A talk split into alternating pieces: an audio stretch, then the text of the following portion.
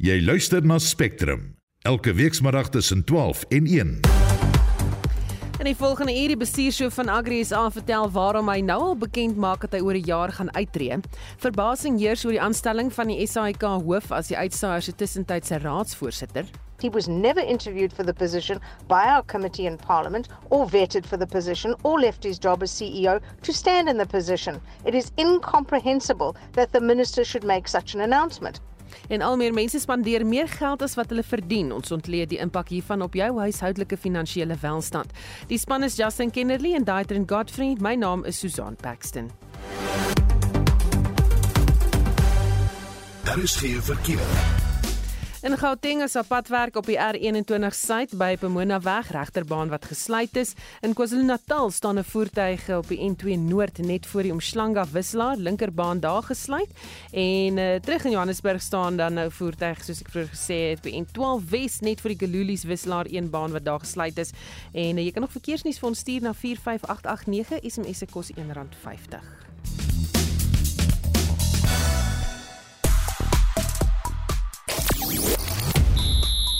Die Engelse Premierskap het 'n nuwe span wat die boot invoer. Engeland verklaar op 325 vir 9 nadat hulle deur Nieu-Seeland ingestuur is op dag 1 van die dagnagtoets in Mount Maunganui.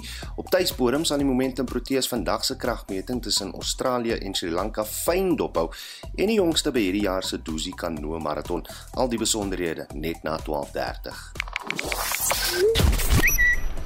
Op sosiale media praat almal oor Arsenal. Sokkerspan haal hulle ondersteuners uit in die uh, tweets gaan so vinnig. Ek kan nie by jou nie. Ek kan vir jou eers een lees. Dis so baie praat mense daaroor. Uh iets anders waaroor mense die altyd gesels op so uh, die sosiale media is hitsmerk Sona debate en uh die DA wat daar getweet het gesê during the #SonaDebate Justice Minister Ronald Lamola became the latest ANC to person to desperately defend carded deployment corruption against the DA's mounting su success in our war to eliminate this evil practice. We do not tolerate corruption sê hulle En nog iemand wat sê president Cyril Ramaphosa, um, he is expected to reply. Hy gaan nou vandag uh, sy repliek lewer op hierdie 2 dag lange debat. Dis nou vanmiddag oor sy staatsrede verlede week. Klomp mense wat uh, gesels oor wat daar by die staatsrede aangaan.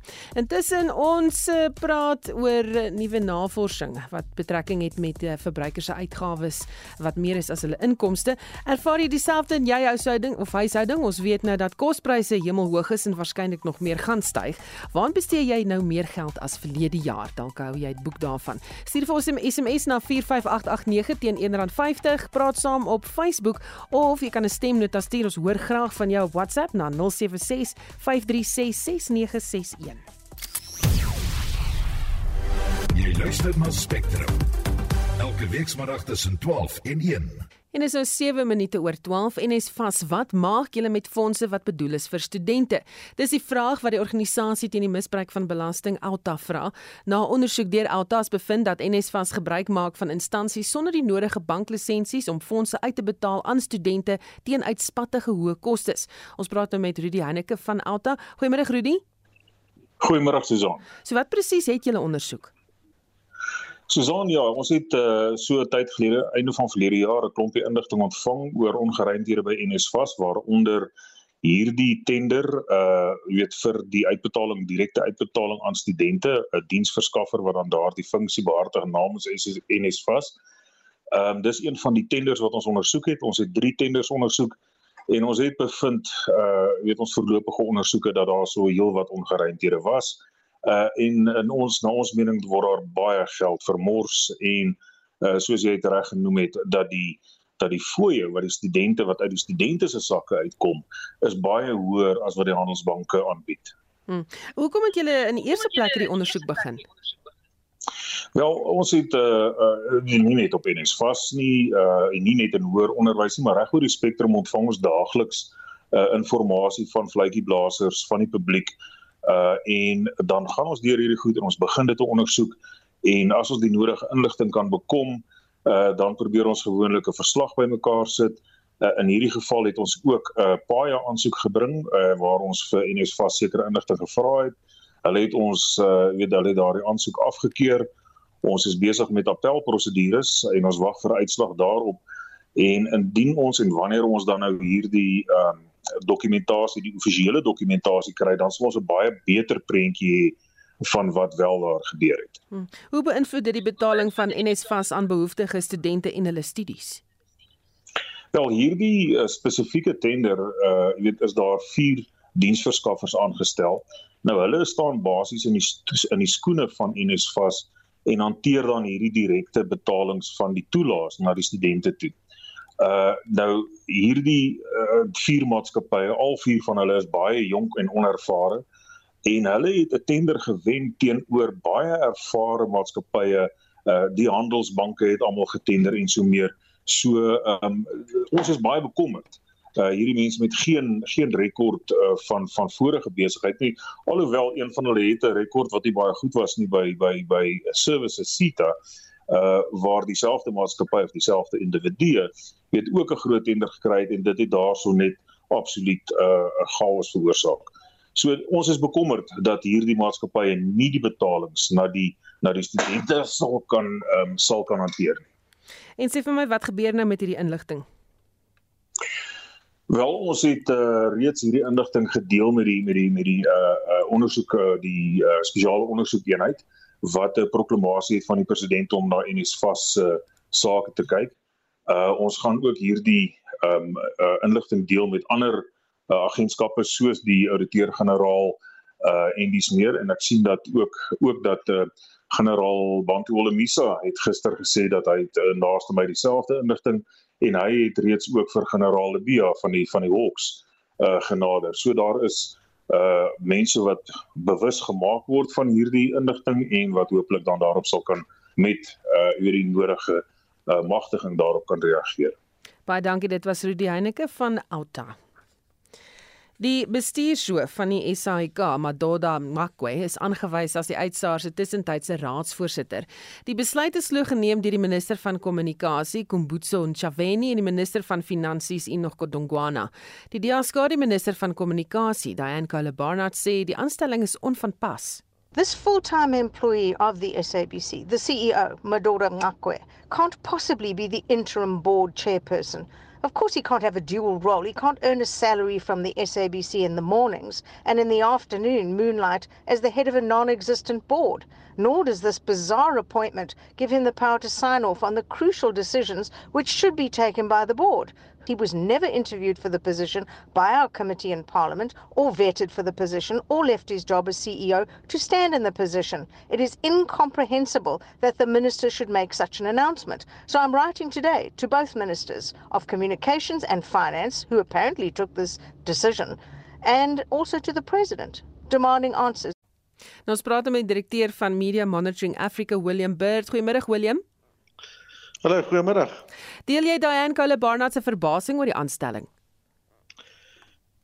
Yes, because we've already also written in fact to the president both as Media Monitoring Africa and as SOS Support Public Broadcasting Coalition um, and in fact to the minister asking on what basis this decision was made. It appears that they're relying on a section of the Public Finance Management Act which says that where there is no board in a um, public entity that uh, the GCO can be appointed as an interim accounting officer. Now, that isn't quite what uh, the minister said uh, when she was interviewed on SABC, but we suspect that that's what she's relying on. We also suspect that that is completely uh, unlawful and, and clearly and patently also irrational. It also means that the SABC's decisions taken are going to be subject to uh, legal challenge and probably any decisions taken uh, by this in this current scenario would probably be uh, able to be set aside. So you it, it just causes a, a substantial amount of harm to the SABC and places the SABC in an even more perilous state than it than it already is. Hm. Waarom dink jy is daar nog steeds nie 'n raad aangestel nie al is die kandidaate se name op 6 Desember al vir goedkeuring deurgegee? You know, we've given the president until this Friday uh, to appoint the board. We've seen excuses from the presidency saying, well, there's uh, three members are, are, being subject to review, but our point was to say, well, appoint the rest of the members and at least the board can co-rate. So the first reason we're in this crisis is because Parliament failed to do its basic job. had Parliament gone and interviewed candidates before uh, it became so urgent, we wouldn't be in this particular crisis. So Parliament failed to do its job, but now we're seeing that this is being held up by uh, the president, and that's just simply not acceptable. That the president should continue to allow the SABC to operate for you know nearly five months without a without a board. It's just uh, completely despicable. So, if the president doesn't announce that, we will be going to court. Watter impak dink jy het hierdie jongste aankondiging oor die uh, tussentydse raadsvoorsitter en die vertragings op die SAIK as geheel? I mean, it's it's embarrassing, frankly. You know that that you have a, a, an institution and one where you had a functioning board and functioning senior executives, and you know, not to say that everything everyone does you always agree with, but the reality is is that of various public institutions, the SABC was actually doing quite well, and, and particularly on on issues relating to governance. This looks as though it's an attempt to place it into deep, deep crisis because you can't expect uh, a massive institution like the SABC to function without a board. What does it say to the staff? What does it say to everyone? It's just completely unfair and uh, you know despicable that that government would allow itself to leave the SABC in this uh, in this particular condition. In addition to that, we're seeing this analog switch off decision. And the minister, uh, in her comments, in her remarks to Parliament yesterday, said that they've completed the consultations on the analog switch off. Now, the SABC is the single biggest broadcaster in the country, that still has five transmitters going in the five different provinces four analog switch off because the, over a third of people in South Africa still rely exclusively on SABC for access. And the minister said she's completed consultations. Now we ask, how is that possible when there is no SABC board?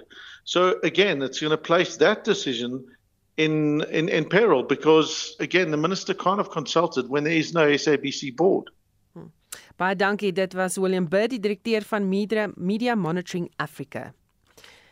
Die omgewingsgroepe South Durban Community Environmental Alliance en Groundworks het beswaar aangeteken teen die toestaan van 'n omgewingsgoedkeringssertifikaat aan Eskom om 'n gaskragstasie in Richards Bay op te rig.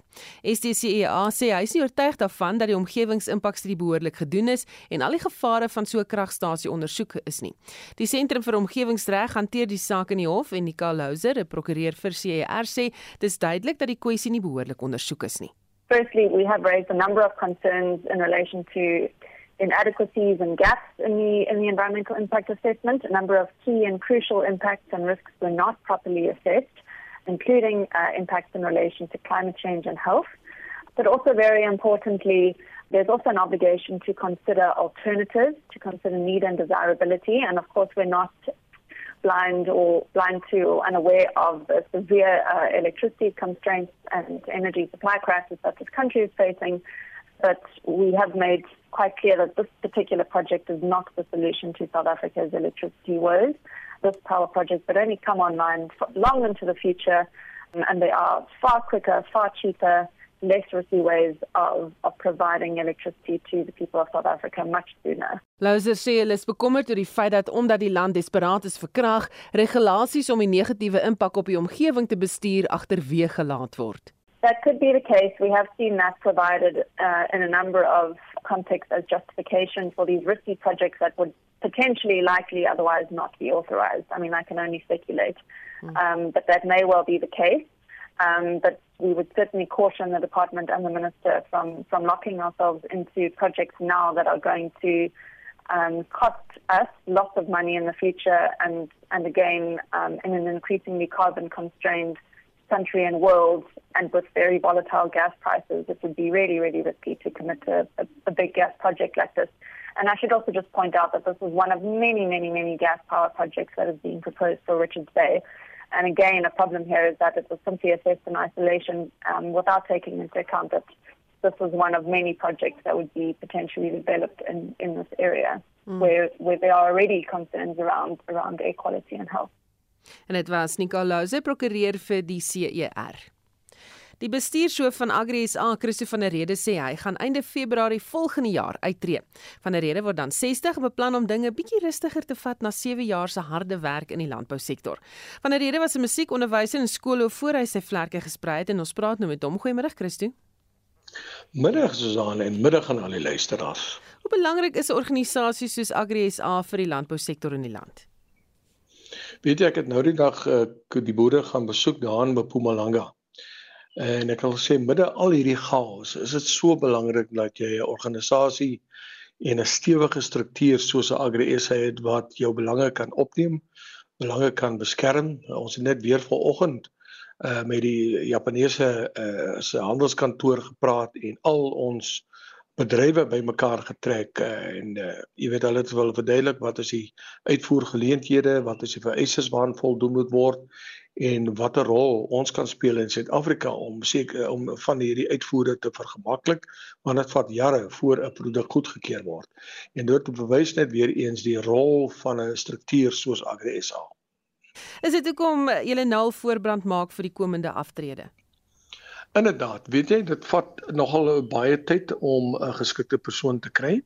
Uh, ek het reeds vir die raad uh, einde verlede jaar kennis gegee dat ek raak 60 in 2024 en ek wil nie dan wag vir uh, jy weet iemand om die pos te vul nie want dit is uh jy weet dit gaan onregverdig wees teenoor ons lede en ook die landbousektor in die breë.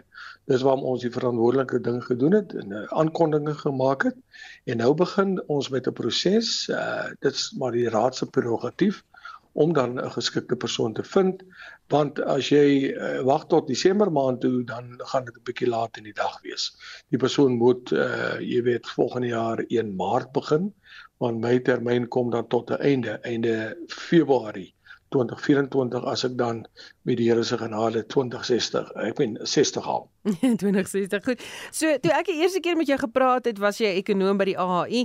Ehm um, jy het al verskeie loopbaankepse gedra in jou lewe, maar dis nou 60. Dis nog 'n goeie ouderdom om nuwe dinge aan te pak en uh, ek weet die RSG luisteraars uh, van die program kommentaar het al gevra of jy nie in die politiek wil ingaan nie. Enige sulke planne?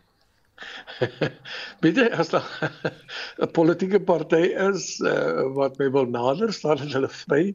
Natuurlik uh, hou ek myself reg voor om uh, eers baie diep daaroor na te dink.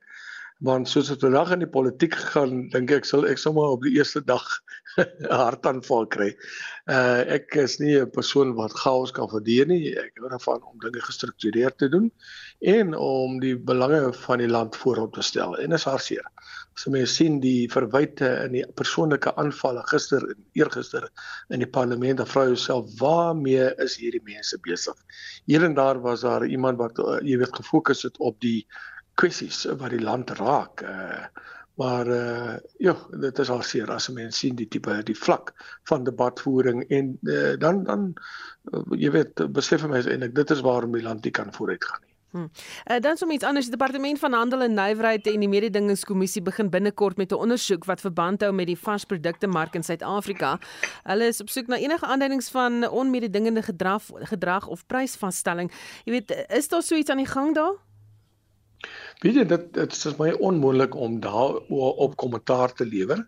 Dis natuurlik hulle goeie reg om uh ondersoek te loods. Uh en hulle het natuurlik hulle redes daarvoor en dit is ook hulle statutêre rol. Maar ons moet baie versigtig wees dat ons nie probeer om uh die landbousektor en veral nie die primêre landbousektor die uh vark in die verhaal te maak nie, né? Want ehm um, hierdie sektor het Suid-Afrika gedra die afgelope 2 jaar tydens die inperkings en dit gaan Suid-Afrika nog vorentoe dra in terme van voedselsekerheid. En uh hulle moet eers gaan sit en kyk wat is die faktore wat tot konsolidasie aanleiding gee. Uh want dit raak bitter moeilik vir boere, jy weet, uh om op klein skaal te boer. Uh, daarom sien ons die konsolidasie plaasvind. Uh want as jy op skaal boer dan staan jy 'n baie groter kans om finansiëel te oorleef. Uh maar uh jy weet so so ek dink uh, dit sal maar ons argument wees wat ons op die tafel sit. Maar indien daar onmededingende praktyke is en uh praktyke wat die beeld van landbou skade kan aandoen en wat daartoe kan lei dat uh, verbruikers aan die einde van die dag swaar kry, dan moet dit ondersoek word en die skuldiges moet aan die pen ry. Baie dankie. Dit was die bestuurshoof van Agri SA, Christo van der Rede. Suid-Afrikaanse huishoudelike finansiële welstand is op sy laagste vlak in 18 maande. Die Momentum huishoudelike finansiële welstand indeks het afgeneem van 49,7 punte in die derde kwartaal van 2022 na 47 indekspunte in die vierde kwartaal van 2022. Dis duidelik dat nog meer verbruikers se uitgawes nie tred hou met hulle inkomste nie en ons praat nou met Johan van Tonder, finansiële welstandsekonoom by Momentum hieroor. Goeiemôre Johan. Goeiemiddag, hoe gaan dit? Met my gaan dit goed, maar met die finansies klink dit nie vir my so goed nie. Al vier subsektore, dis 'n inkomste, uitgawes, spaar en skuldvlakke het gedaal onder 50 indekspunte. Kom ons kyk gou na hierdie indeks van julle. Ja, dit is waar al vier die subindekse het gedaal tot onder 50 punte. Ehm um, as ons net vinnig kan kyk, inkomste het nog van bo 50 en 50 punte na 48 Nee, dit lyk vir ons 'n probleem met daardie lyn. Ons gaan hom gou-gou terugbel en terwyl ons dit doen, ons praat oor voedselpryse en enige pryse wat nou styg en wat betaal jy meer vir? Johan Marits wat sê pensionaarsse kan skaars kos koop. Stefanie Loots wat sê voertuigassuransie en versekerings het baie opgegaan en dan Leonie Kellerman wat sê petrol. Ja, nee, brandstof. Dan uh sê Isella Roos, daar is nie meer geld om meer te kan spandeer nie. Ek koop al minder kos, eet minder, gebruik als minder. Daar ek gebruik nou kos net vir oor oorlewing.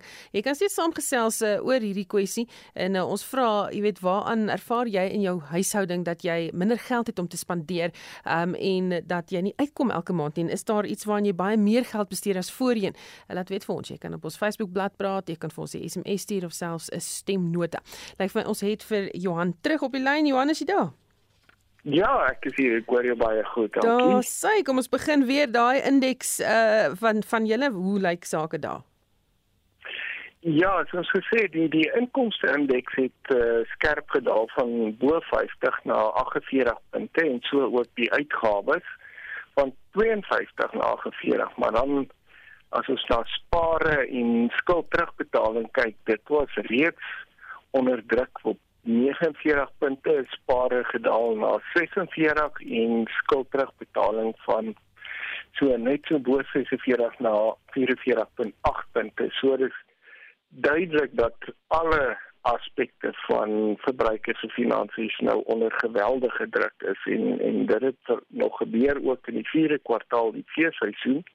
So die die kersverkope en so aan het ook nou nie aan alle verwagtinge voldoen soos wat in vorige jare gebeur het nie. Is dit bloot net omdat mense nie geld gehad het om kersinkope mee te kan doen nie? Ja, dit is uh, mens kan dit voorstel definitief want ons het gesien in 'n baie groter mate as in die verlede het verbruikers se uh, begrotings kon net nie hulle uitgawes bekostig nie. Dit is uh, uitgawes het inkomste op 'n algereelder basis oorskry.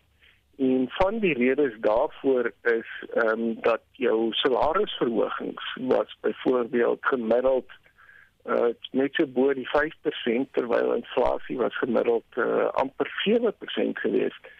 So klaar uh, is die koopkrag van van die inkomste al hoe minder en dan in verskeie huishoudings het uh, die oordragte wat plaasvind van familie en vriende na ander huishoudings toe die ongelukkig die familie en vriende ook nou onder druk gekom. So hulle kon nie meer oorplasings maak nie. So al meer huishoudings het al minder geld gehad en dit het daardie tipiese domino effek tot gevolg gehad waar as jy nie inkomste het nie, dan kan jy minder koop en dan het jy ook nie meer genoeg geld om te spaar nie en ook nie om jou skuld terug te betaal nie. En net so terloops op die spare het altyd die ehm um, onderafdelings van die spaarindeks vir vir beide langtermynspare vir aftrede sowel as korttermynspare vir uh, nooduitgawes albei daai het skerp gedaal. Hmm. Voorspel jy dit gaan verander hier in 2023? Op hierdie stadium is die verbruikers ehm um, glad nie hoopvol dat dit sommer vinnig gaan verbeter nie. Trouwens, as ons net kyk wat hulle gesê het in die 4de kwartaal, meer as 70% van hulle is ongelukkig en hulle het bitter min hoop vir die toekoms en dat dinge gaan verbeter. En as ons vinnig net kan kyk waarom die die risikofaktore waarom hulle so voel die top 3 uh, risikofaktore wat hulle uitgelig het is ehm um, beerkrag en dan politieke onsekerheid en korrupsie en die derde een is hoë voedselpryse. So daai drie is die hoofredes waarom hulle voel dinge gaan nie baie verbeter nie. En dan hulle verwag ook nie dat uh, inflasie baie skerp gaan afneem nie. Dit gaan nog steeds hoë uh, relatiewe hoë prysstygings wees. Verwag ook dat werkloosheid gaan toeneem ekonomiese groei stadiger gaan wees. So dinge verbruikers is nie baie hoopvol op hierdie stadium uh, vir die eerste kwartaal waarin ons nou is nie Baie dankie dit was Johan van Tonder 'n finansiële welstandsekonoom by Momentum Jy luister na Spectrum. Elke week saterdag tussen 12 en 1.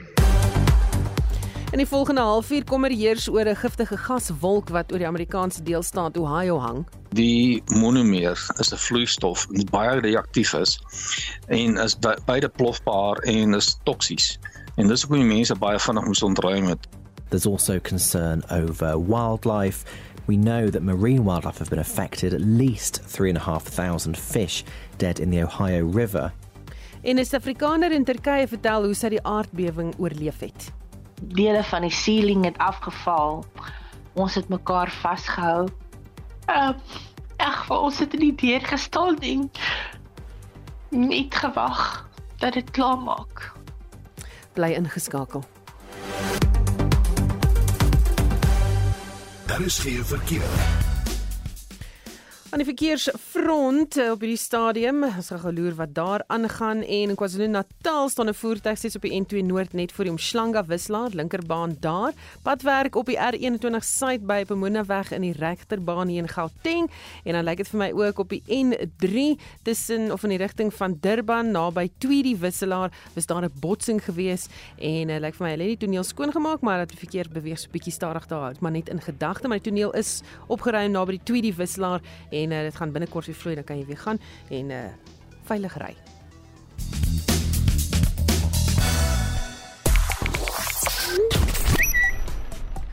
Goed, mense is steeds besig om te tweet oor Arsenal en steeds gaan dit so vinnig dat ek omtrent nie kan sien nie dit loop letterlik. Dit is so 'n tight bomb soos almal gesels oor die sokker en steeds oor die Sona debat wat mense gesels oor wat daar gebeur het en uh, hulle natuurlik wag vir die president se terugvoer.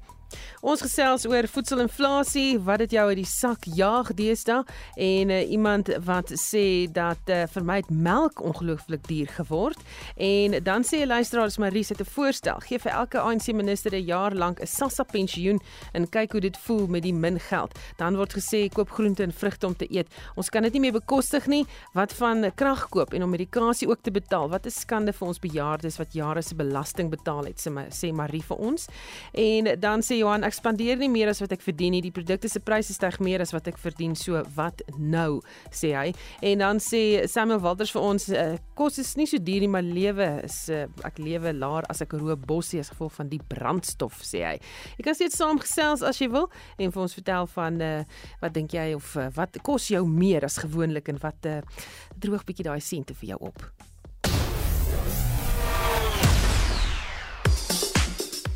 En vir die jongste sportnuus skuif Oudo Karelse nou agter die mikrofoon in. Goeiemiddag Oudo. Middag Susan.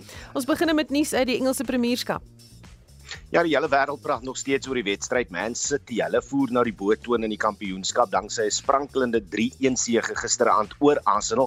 Albei spanne sit nou op 51 punte, maar is die Bloues van Manchester wat voorloop danksy 'n beter verskil tussen doele aangeteken en dan doele afgestaan. En is eintlik 'n groot verskil van 10 doele. Daar's ook 8 wedstryde wat vanaand voorlê in die Europa Liga. Die grootste hiervan is Barcelona wat tuis is teen Manchester United. Die twee reëse kom vanaand kwart voor 8 teen mekaar te staan. En na cricket toe waar Nieu-Seeland miskien die verkeerde besluit geneem het terwyl die lood op dag 1 van hulle eerste toets teen Engeland. Ja, die Swartpette het besluit Engeland moet eers te kom. Uh, 80 steur Ben Duckett en Harry Brook het gesorg dat Engeland na 58 balbeurte op 325 lopies kon sit. En toe kom daar ook 'n brawe besluit deur uh, die kaptein Ben Stokes om te verklaar wat seker te doen het met voorspellings van reën in die dagnag toets daar in Mount Maunganui. Teen uitskyktyd was Nieu-Seeland 37 vir 3 met 'n agterstand van 288 lopies. Uh 'n ander nuus hier op tuisbodem Proteas Kolber teen is die Brein het ook vandag bekend gemaak dat hy voortaan nie langer beskikbaar sal wees vir die nasionale span nie, dit na 'n loopbaan van 13 toetse en 2 T20 internasionale wedstryde. Uh 3 uur vanmiddag speel Australië teen uh, Sri Lanka. Dis nou in die vroue T20 Wêreldbeker op St George's Park. Wie ook al vandag wen neem beheer oor van die groep waar uh, die verdedigende kampioen Australië tans danksy netto loopie tempo voorloop. Ek voel dat ons Proteas bitter graag sal wil sien dat Australië vandag wen dat Bangladesh dan môre teen Nieu-Seeland wen en dat Nieu-Seeland volgende week teen uh, Sri Lanka wen sodat ons nog steeds in tweede plek in die groep kan eindig met net 'n oorwinning slegs teen Bangladesh.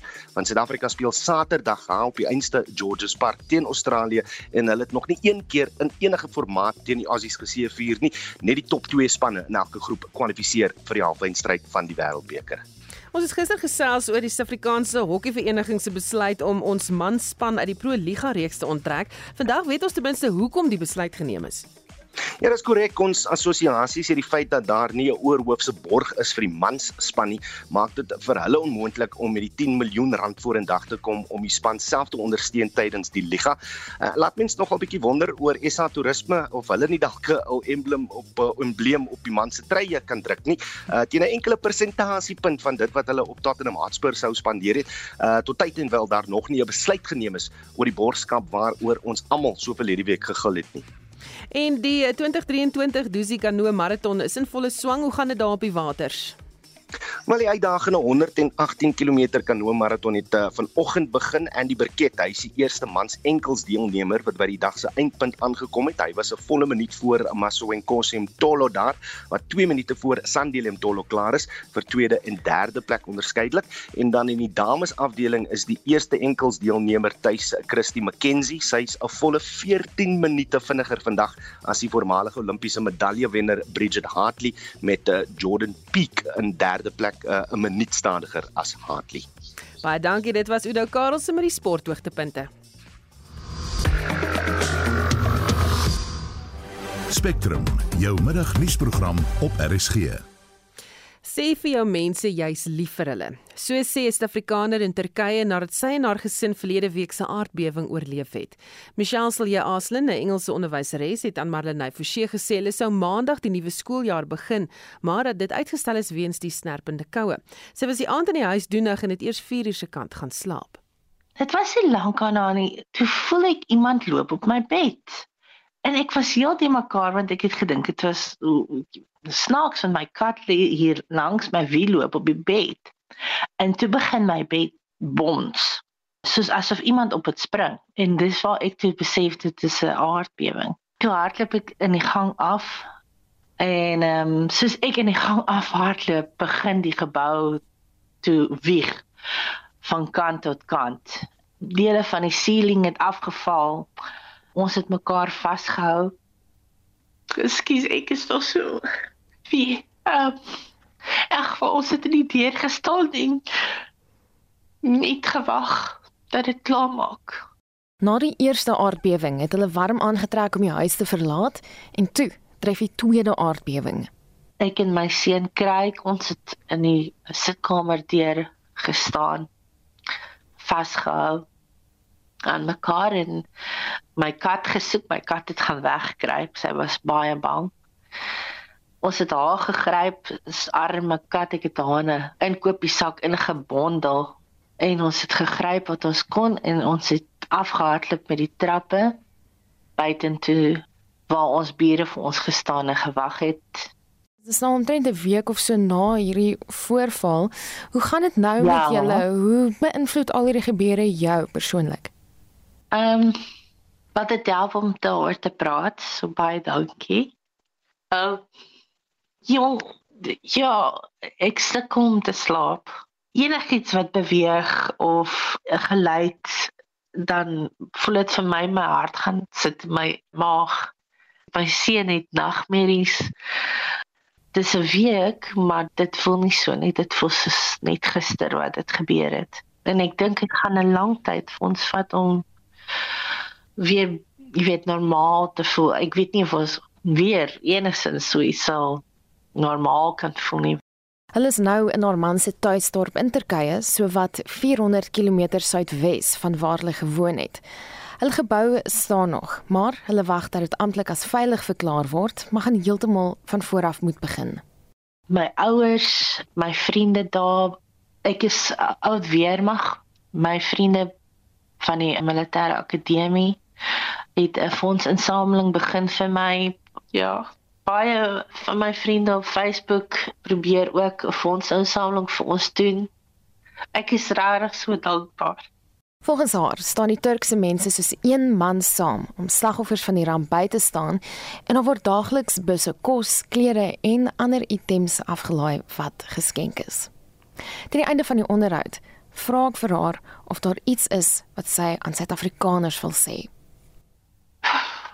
Sê vir my, sê jy is lief vir hulle sê vir mense jy is lief vir hulle. Uh, dis die Here se genade. Ons is ons is okay, ons is veilig, ons is bewaar. En dankie vir elke boodskap. En elke oproep. Baie dankie. Dit was Michelle Celia Arslan, 'n Engelse onderwyseres in Turkye. Marlene Forsie, SAK nuus. Hm, wat 'n aangrypende verhaal wat sy vertel. Ons bly by nuus uit die buiteland. 'n Giftige gaswolk wat oor East Palestine, 'n klein dorpie in Ohio in Amerika hang, het owerhede baie bekommerd. Die gaswolk het ontstaan na 'n treinongeluk tot gevolg gehad het dat giftige stowwe in die gebied uitgelek het. Die dierkundige aan die Noordwes Universiteit, professor Henk Bouman, sê die stowwe word gebruik in die vervaardiging van plastiek en net soos plastiek vat dit lank om af te breek. Dit is vinylkloried, 'n uh, alternatiewe naam is chloroethaan. En vinylkloried ken ons waarskynlik beter van polyvinylkloried. Dit is 'n plastiek wat ons almal gebruik elke dag. Dit is die polymeer. Die monomeer is die vinylkloried. En die monomeer is 'n vloeistof wat baie reaktief is en is beide plofbaar en is toksies. En dis hoekom die mense baie vinnig moes ontruim het. Lyk my al die tankwaans wat ons spoor het, dit almal vinylkloried ingehaat wat 'n plofbare, toksiese, vlugtige gas is wat mense nogal baie vinnig kan affekteer.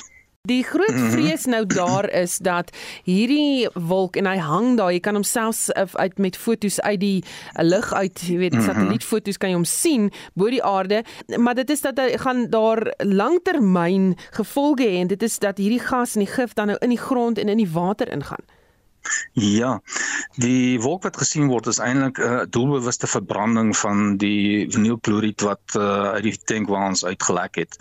Dit langsloop gegrawe, dit goed daarin laat gaan en toe 'n doelbewus in brand gesteek want dit is die vinnigste manier om slaap te raak te van sodat so min as moontlik gekonsentreerd in 'n omgewing bly. Maar dit het natuurlik ook sy eie implikasies want die produkte daarvan behalwe nou die gas vir self wat toksies is en trouens op 'n stadium gebruik is as 'n anestetikum wat nie baie goed gewerk het nie. Is daar's heelwat van hierdie afbraakprodukte van die gas in die swart wolk groot probleme kan veroorsaak. En een daarvan omdat 'n kloorverbinding is is ehm um, soutsuur HCl. Maar daar's ook 'n hele klompie ander goed wat daarin kan dan voorkom, metielakrilaat, koolstofmonoksied, waterstofsulfiet, fosgeen is ook genoem ek is nie heeltemal seker hoe fosgeen daar gaan uitkom nie want daar's nie eens veel fosfor in nie. En 'n hele klompie ander vlugtige stowwe. En almal van hulle is toksies op een ander manier.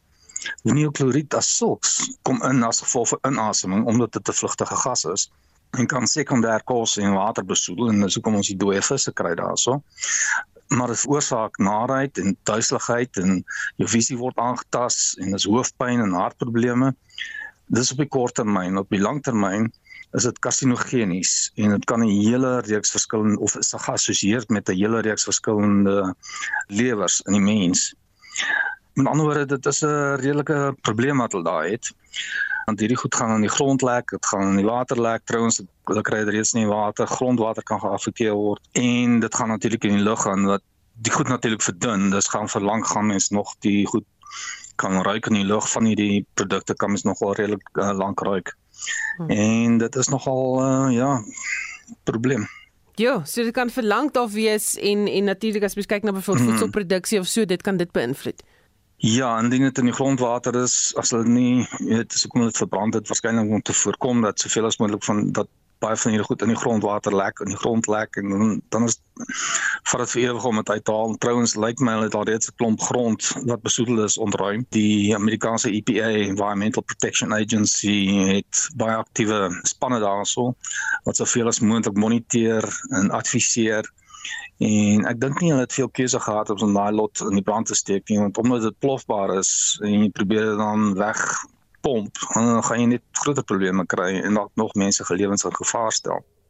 En dit was 'n dierkundige aan die Noordwes Universiteit, professor Henk Bouman. Die Weskaapse premier Allan Windey het vanoggend met sy provinsiale rede begin en Marlenae Forsie het dit gevolg en sluit nou by ons aan Marlenae. Ja, ons is aan nou vanjaar se tema in Engels is the fierce urgency of now. Windey sê beskou die Weskaap as 'n baken van hoop in 'n kommerwekkende en frustrerende tye. Hy sê hy hoop om die kragkrisis in die Weskaap op dieselfde deursigtige wyse as die pandemie aan te pak.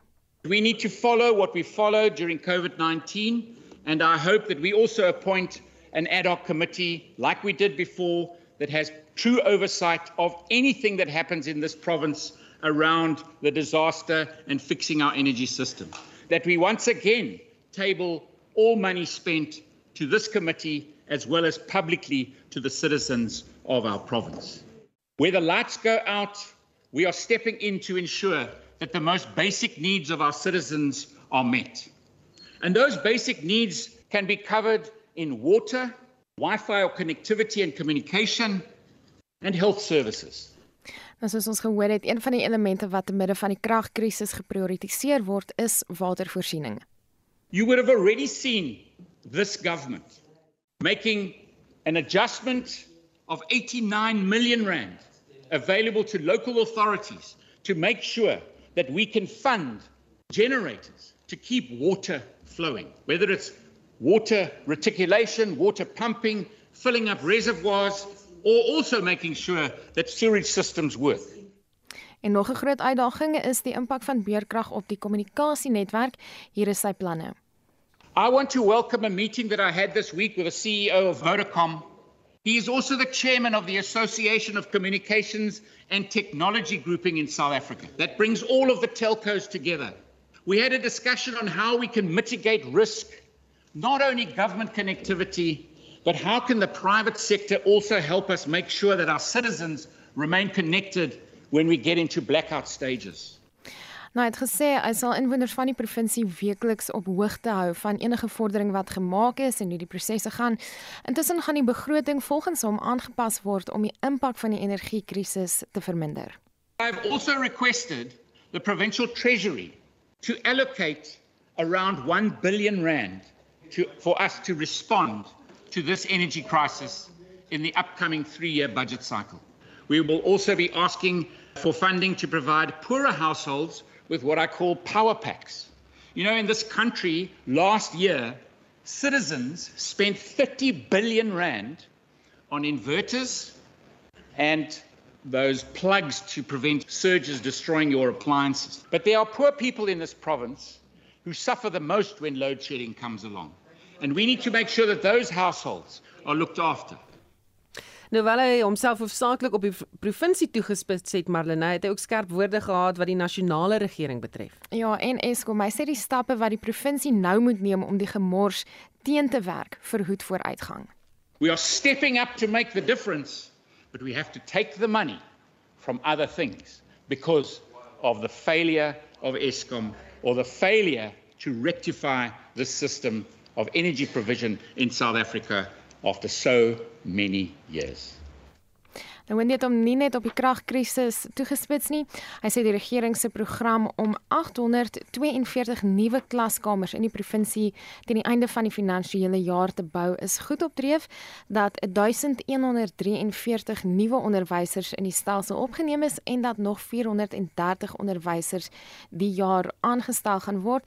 Indien jy meer wil weet hieroor, kan jy na Brandpunt luister vanmiddag kwart voor 6 of monitor môreoggend tussen 6 en 7.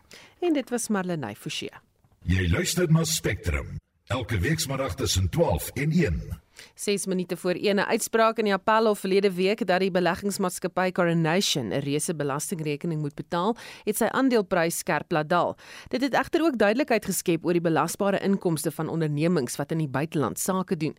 Dis die mening van die belastingkundige by ENS Africa, Charles de Wet die impak vir almal wat 'n internasionale beleggings het, Suid-Afrikaanse maatskappye wat bedrywighede oorsee gekoop het en strukture in plek gesit daarvoor, I mean veral in die finansiële dienste omgewing, daar's nou fisieke risiko daaraan en SARS gaan nou meer detail daarna kyk.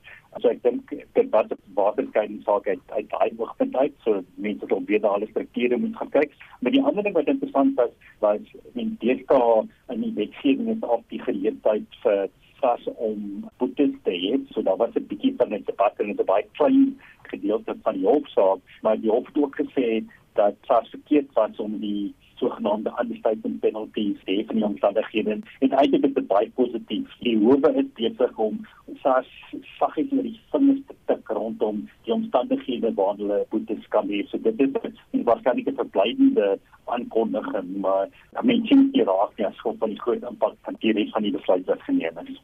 Maar wie gaan vir SARS polisieer? Jy moet eers hof toe gaan. Ja, maar die enigste mense wat hulle kan polisieer is die hof. Daar's geen ander manier nie, maar daar was in die laaste tyd drie sake waar SARS eintlik moeilikheid gekry het rondom die boete en die omstandighede. So ek dink daar's beter om 'n standaard daar uit te kom wat dit makliker sal maak vir belastingpligtiges. Wat is standaard is dit? Wel net dat SARS kan in alle omstandighede net gaan en 'n persentasie as 'n boete doen. So daar's verskillende persentasies van 5% tot 150% afhangende van die gedrag wat SARS dink dat die belastingpligtige gepleeg het. En in die omstandighede het die hof gesê en in die vorige twee het ook gesê dat die belastingpligtige het genoeg gedoen. Hulle was verantwoordelik ten opsigte van die belastingadvies wat hulle ingewin het rondom die implementering van die struktuur op daai basis en as gevolg daarvan kan SARS nie net boete gaan hê nie so ek dink dit gaan moeiliker raak vir SARS om boete te hê veral waar daar deeglike en die dienste beplanning is Dit was Charles de Wet, hy is 'n belastingkundige by ENS Afrika wat met met Mitsi van der Merwe gepraat het. Vir ons groet het Marlene Forsie 'n opsomming van stories wat nog ontwikkel. Ja, Susan, alle oë is op die parlement waar die president later vanmiddag gaan reageer op vrae oor die staatsrede. Ons aktualiteitsprogramme Brandpunt en Monitor hou verwikkelinge dop en dan iets wat ek nou net raak gesien het ook hier in die ateljee instap.